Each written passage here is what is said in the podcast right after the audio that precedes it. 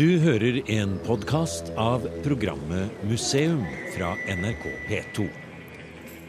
Dette programmet ble sendt første gang 24.1.2015. Like før sola kommer tilbake etter mørketiden, besøkte vi Vardø på slutten av fjoråret. Der møtte vi den nye direktøren for det sammenslåtte Varanger museum, Frans Arne Stillegard. Fram til høsten 2014 var han fylkeskonservator i Vest-Agder og holdt til i Kristiansand. Men nå har den engasjerte arkeologen og forfatteren blitt direktør for tre museer i tre forskjellige kommuner. Roja kvenmuseum i Vadsø, Sør-Varanger museum i Kirkenes og Vardø museum. Med blikket mot nord går vi i blåsten langs Kaigata i Vestervågen, i Frans Arne Stylegards nye hjemby. Vardø. Vi skal snart inn og varme oss på Nordpol kro, mens vi snakker om Pomorhandelen, og at det jo også er videre oppover den veien, forbi Moloen og rundt Kolahalvøya og inn i Kvitsjøen Otta reiste den gangen på 800-tallet, da han etterpå fortalte kong Alfreds hoff i England om veien mot det nordligste nord på hele kloden. Vi er liksom ikke bare den nordlige landsdelen. ikke sant? Vi er så langt uh, mot nordøst som det er mulig å komme. Altså, Vardø ligger, uh, ligger like langt øst som Kiev. Øst, ja. Ja, ja. ja. Det er det som er det mest Det syns jeg er det mest fascinerende. Ja, det er langt mot nord. Det er nærmere Nordpolen enn Oslo. Men jeg syns, uh, jeg syns det at det samtidig er så, er så i, i, norsk sammenheng veldig langt mot øst. Det er veldig fascinerende. Altså, som sagt, like langt øst som Kiev. Like langt øst, øst som Istanbul. Like langt øst som de vestligste, riktignok, forstedene til Kairo. Så, så altså, kulturhistorisk sett, eller eh, Jo, delvis kulturhistorisk sett, men rent geografisk sett, så er vi i Øst-Europa. Ikke sant? Ja. Det er ikke noe tvil sånn om at det er tenkt på det før, men uh... Det er en tidsforskjell, en reell tidsforskjell på, ja. på halvannen til to timer i forhold til, uh, i forhold til uh, de vestligste delene av Norge, ikke sant? Hvis de vi som... hadde hatt mer enn én tidssone, ja, så var det her de skulle ha vært. Ja, ja, og, og, og, og det er ikke langt herfra til til de nærmeste byene på russisk side av grensa. ikke sant? Nikkel, Murmansk, og de, de har jo da Det er jo to timers tidsforskjell. De har en mer naturlig eh, tid enn det vi har. Fordi man har én tidssone i Norge. Men, men, eh, langt, langt mot nord og fascinerende langt mot, uh, mot øst. Og, og, hvis man skal liksom tegne et bilde av hvordan hvordan denne nordøstligste luten av gamlelandet har vært eh, Hva er det som kjennetegner den? Det er, eh, det er på en måte geografien, det også. Fordi, fordi eh, sånne steder har en tendens til å Enten så er de Hvis du er, hvis du er på en, virkelig på en utpost, så er det enten veldig stille og rolig, og du er isolert. Eller så er det det motsatte. ikke sant? Og her er det det motsatte. Har alltid vært det motsatte. Dette er jo en smeltegryte. Mm. Jeg syns sånne jeg syns smeltegry, kulturelle smeltegryter er veldig fascinerende. Uh, I alle mulige sammenhenger, men også ikke minst faglig. Da. Og her møtes uh, og har I lang, lang, lang tid så har uh, samer møtt nordmenn, møtt norrøne mennesker. Eh, innvandrere fra finske områder. Eh, russiske pomorskippere. Eh, hollendere på vei midt på 1500-tallet østover for å åpne en nordlig handelsrute med, med Russland for å unngå Østersjøen. ikke sant? Frans Arne, vi går rundt i Varde her og ser på en spennende by, som er din nye by nå. Her har vi plutselig havna foran Nordpol kro. jeg kan tenke meg at vi går inn der nå, for det er relativt småkjølig her. Det er ikke så, arktisk ja, men det er ikke sånn sånn. Kristiansand-klima her, nei. Nei, det er ikke Kristiansand-klima. Nordpol kro, skal vi prøve å gå inn? Ja. Det er forresten et veldig flott, eh, restaurert, fint hus. Det kan jeg se fra utsiden. En praktfull bygning. Ja, Flott restaurert og eh, så vidt man vet bygd eh, tidlig 1860-tall. Ja. Drevet kontinuerlig som, som bevert, med bevertning siden. Åh, deilig varmt. Ja. Et utrolig flott sted. Vi kommer inn i en flott bardisk her. Ser rundt oss hele. Skal vi ta, skal vi ta en øl, da? Inne på Nordpol kro i Vardø er det omtrent som å komme inn i et privat museum med skjenkerettigheter og egen pizzameny. Sånn så det ut når jeg overtok i 1986. Det er ikke helt det samme. Nei. Og så prøv, begynte vi da å prøve å finne farger, vindu, beskiltning. Traktør Bjørn Bredesen har gjennom en årrekke samlet lokalhistoriske gjenstander, malerier, aviser, fiskeutstyr, motorsykler. Absolutt alt som forteller om livet slik det var i Vardø en gang i tiden. Den her kommer fra kolonial Knutby her her borti gata. Ok? Ja. Fra den første Ja, for det er en petroleumspumpe. Altså, Er det den første bensinstasjonen i byen? Ja. Har, har du sett hvor, hvor, du, hvor de henter pakka ifra? Ja. Ja. Det var butikken. Ja, nede der. Ja. Det var i yttertrapp, den trappa du ser ned. Og der nede, det rommet der, var det en kolonialforretning. Det er jo nesten mer her Frans Arne, enn det er på museet, jo, av ting fra Vardø. Fin måte å stille ting på det her. Ja, det er jo det. Det er helt fantastisk. Ser på motorsykkel. Ja, faen. På. Alle rom og vegger i Nordpol kro er dekorert fra gulv til tak. Og kroa har vært her helt siden Fridtjof Nansen tok inn i et av hotellrommene som en gang var i annen etasje. Hvis du leser historien da Fridtjof Nansen kom tilbake til Vardø for andre gang Ja. Da han kom tilbake da ingen visste at han var i byen. Sant? Da eh, var- det et musikkorps som leda han gjennom byen. Og det musikkorpset het han Nord. Det var da han og Jan Mar Johansen kom tilbake Ja, og hadde blitt reddet av den engelske ekspedisjonen. Og traff Batten Powell her i byen Ja, ja, ja? Så det var jo først da han eh, oppsøkte telegrafen i byen og sendte av gårde en telegraf. Ja. Det, var jo, eh, det var jo da det ble oppdaga at det var Nansen var i byen. Og da begynte jo Og at han i hele tatt levde. Ja. Ja. Og da var jo eh, den festen og seremonien var jo da på, på Grand Hotel, som er rett borti gata her restaurert. Fantastisk. Herlig. Det er nesten som vi glemmer at vi jo var midt i en historie om veien mot nord, middelalderens utforskning av Kvitsjøen og Kolahalvøya og Ishavet og Nordøstpassasjen. Vi har fått låne det gamle Nansen-rommet i annen etasjen over Nordpol kro.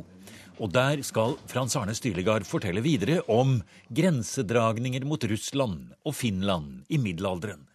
Og hvordan ridder og riksråd Erling Vidkunsson fra Bjerkøy slutter fred med russerne i Novgorod så langt tilbake som 1323.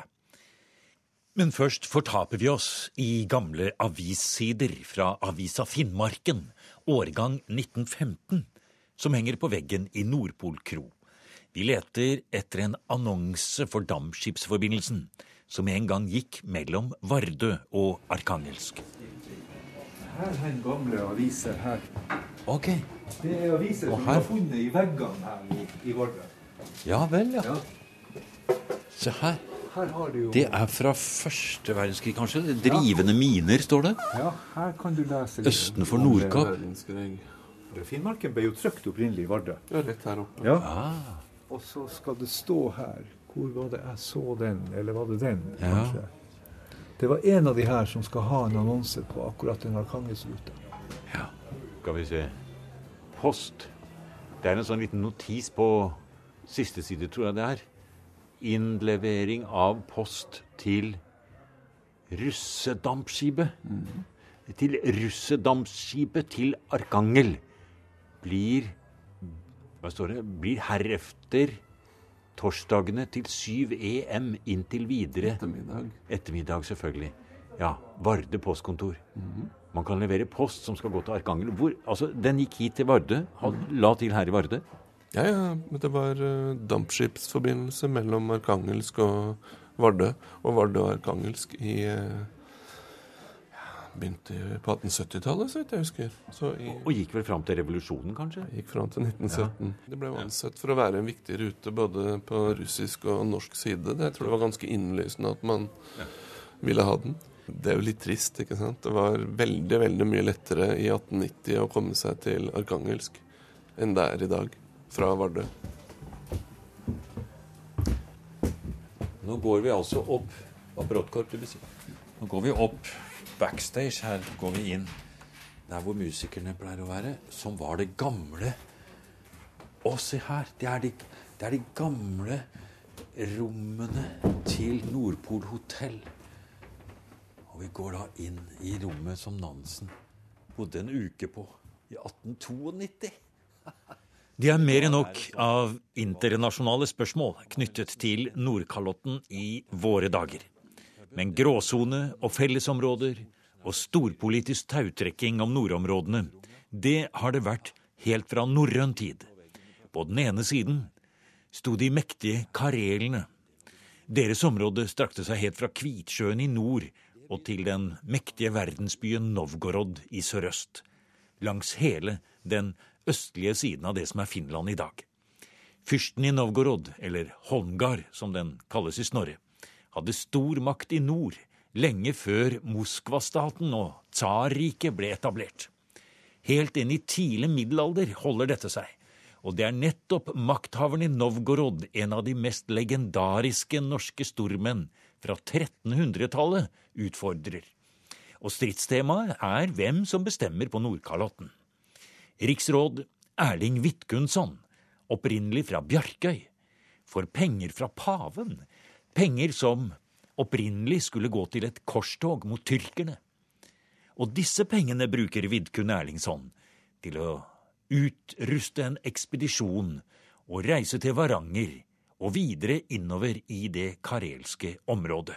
Vi er ved den samme i de samme tiåra på begynnelsen av 1300-tallet hvor Vardøhus festning nevnes for første gang. Og det kan jo da hende at det, det Erling Vidkun gjør, er å etablere et uh, forsvarsverk mot uh, Altså en festning mot uh, den karelske innflytelsen.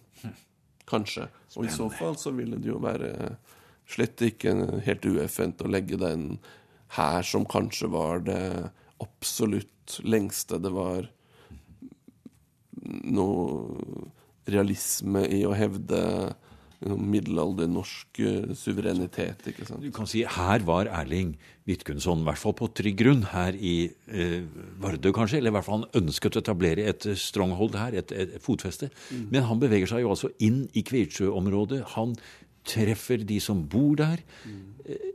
Er det rett og slett sånn at han ønsker å skattlegge dem sånn som man kan lese i Snorre at Ottar sier han hadde vært oppe og gjort?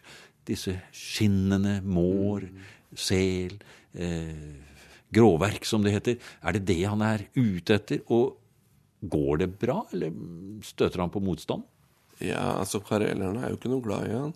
De, de reiser jo til slutt til Altså, de kommer seg greit forbi Vardøhus, tror jeg, og så kommer de til, eh, til Reiser de faktisk helt ned til Bjarkøy og, og plyndrer og brenner gården til eh, Erling Vidkunson.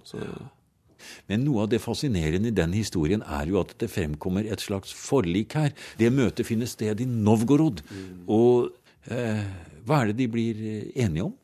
Det som vel har blitt stående for, for ettertida, da, som det varige i fredsavtalen mellom Novgorod og Norge.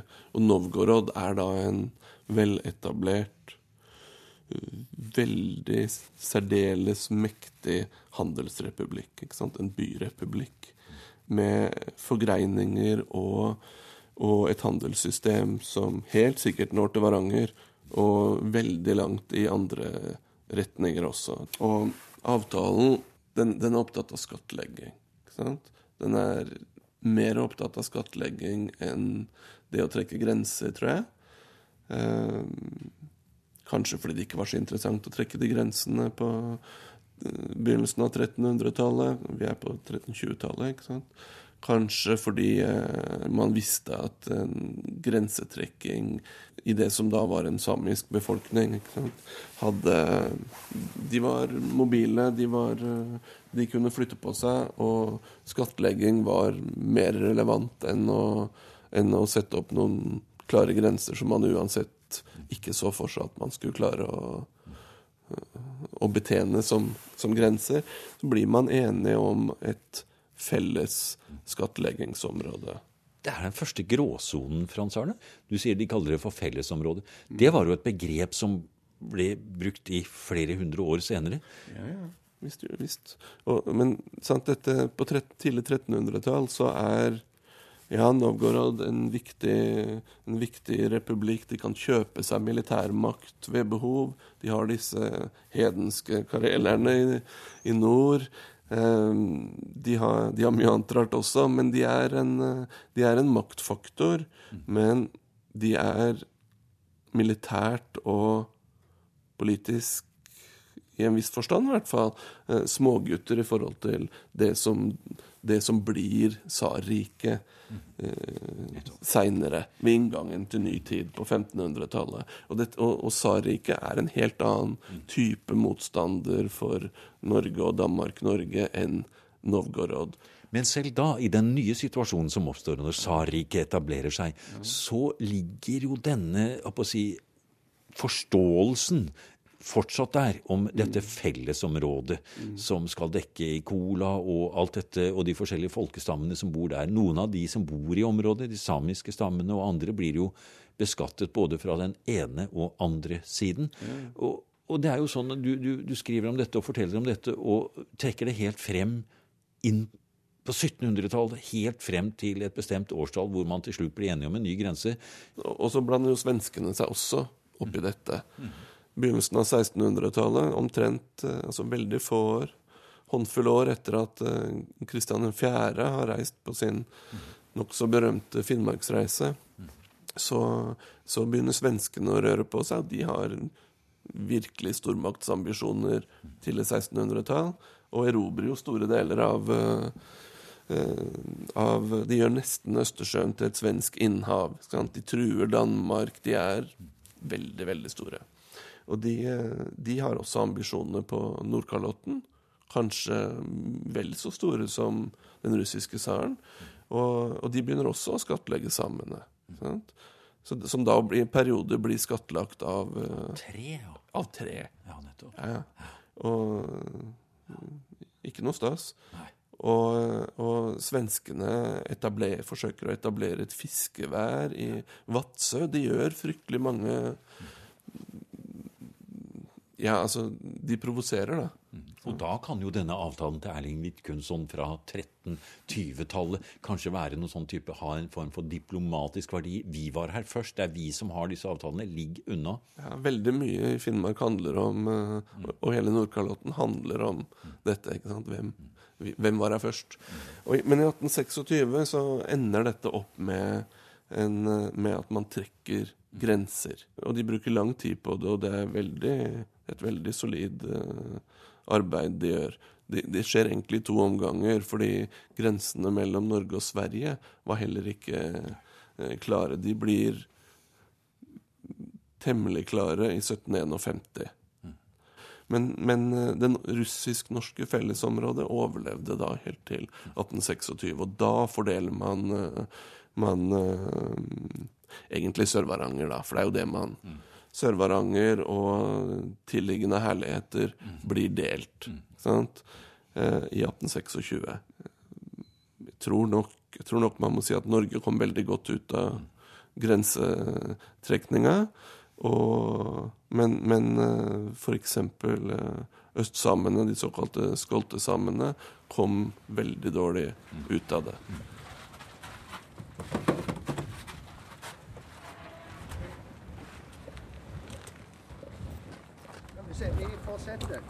Ja. Tror du at vi er ferdig så fort? Nei da.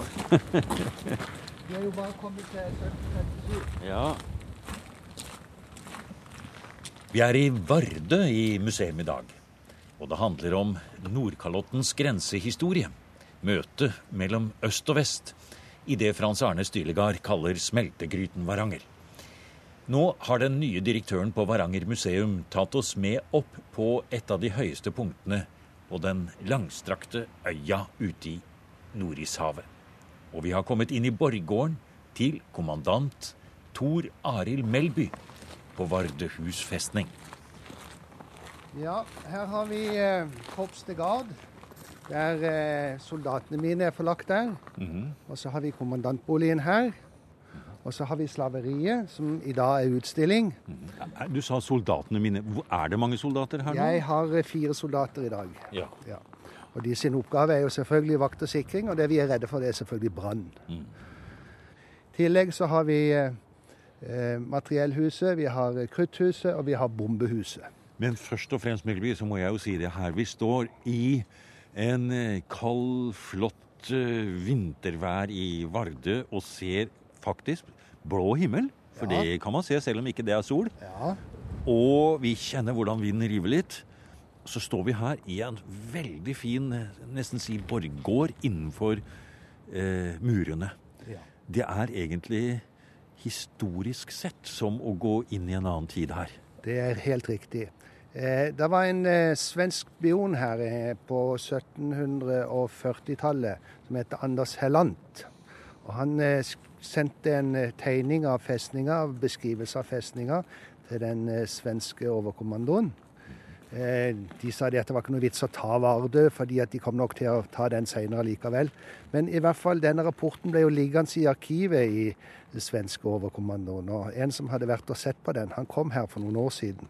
Og vi kom rundt hjørnet her med Korps de Gard og kikka seg rundt her, og så sa han ja, men se her, det ser jo ut akkurat sånn som på tegninga. Og det er det faktisk. Dette er den mest originale festninga som er i Norge i dag. Du finner ikke en eneste kafeteria, ikke en eneste restaurant. Du finner ikke en eneste isutsalg eller Coca-Cola-reklameskilt. Alt her er Skal, originalt. kan vi gå bort og se litt utover vollen for å se etter fienden? Det kan vi gjøre. La oss bare fortsette. Ja, Så i lende, er ikke det det heter, Jo, kommandant? retning så lende. Ja. Eh, når Utkikkstårnet de sto jo der oppe selvfølgelig for å se Ja. etter fartøyet. Og på gamle bilder fram til rundt 1930 så var det åpent. Ja, Så da kan du tenke deg sånt vær som de kaldt, har i dag. Ja, ja, Med det utstyret de hadde da. Så Men det er jo jeg må si det, det er jo så flott å gå her. Og selv om det er i mørketiden, eller nettopp derfor, så gir det en sånn egen kanskje opplevelse. For se det flotte lyset, for det er vel nesten bare i mørketiden det er så flott lys. Ja. Her kjenner vi vinden blåse litt mot oss. nå ser vi eh, eh, vestover Ja. mot Busesundet.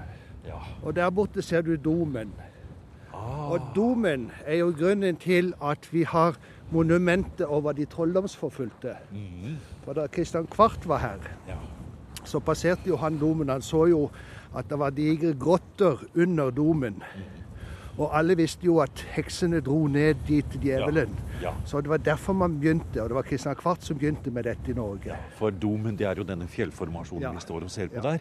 Og vi ser lysene rundt her, vi ser trolldomsmonumentet, og vi ser den moderne nye radaren når vi snur oss litt, inne i Vardø by der rett bak oss.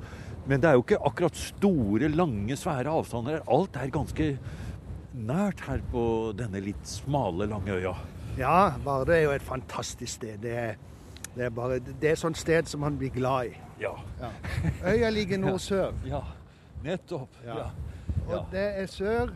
Og Ja. det er jo der eh, sola skal stige opp eh, rundt Ja. 21. januar. Ja. Og vi skyter solsalut når den kommer opp. Ja, og da får du fyre litt av kanonene her. Ja. Men kjenn på denne, nesten si, flotte vinden som kommer her nå. Men alt har sin sjarm. Alt har sin sjarm. La oss gå ned igjen, for nå, nå drar det seg opp en Det er ikke kuling ennå, men det begynner å nærme seg, Det er en stor militærhistorisk utstilling på Vardøhus festning, som tar med seg alt fra Kristian 4.s reise, en trefning under napoleonskrigene og selvsagt flaggstriden under annen verdenskrig. Vardøhus var det siste sted det norske flagg ble strøket da okkupasjonsmakten kom i 1940. Og på toppen av det hele snublet rikskommissær Josef Terboven i porten og falt så lang han var da han kom på inspeksjon. Eh, man sier jo her på, i Vardø at eh, Vardøhus festning er den eneste som har gitt Terboven en på trynet. I neste museum skal vi ta opp tråden om hvor den aller første festningen på Vardø lå, og om det er mulig å finne sporene etter den. Og vi skal høre om Vardøs autentiske trehusmiljøer som ikke ble brent under krigen. Men nå forlater vi Vardøhus festning, som vel må sies å være en av norgeshistoriens viktigste festninger. Kanskje ikke i krig, men som framskutt posisjon for Norges interesser. Helt fra Håkon 5. Magnussons mektige middelalderrike og Vidkun Erlingssons dager på 1300-tallet, og til den kalde krigen og nye utfordringer. Festningens 44. kommandant, major Tor Arild Melby, forteller at de militære funksjonene til festningen ble helt nedlagt i 1976. Og etter det så har det vært stort sett museum å holde flagget oppe og markere norsk suverenitet. Mm. Være til stede. Det er oppgaven i dag. Det er oppgaven å, å formidle hvilket fantastisk sted dette her er. Det er ikke så mange sørpå som er klar over at Vardø er ei øy som ligger to kilometer ute i Nordishavet. Og her har det vært ei festning som har markert norsk grense i minst 700 år. Du har nå hørt en podkast av programmet Museum fra NRK P2. Og send gjerne en e-post til museum.krøllalfa.nrk.no. nrk.no.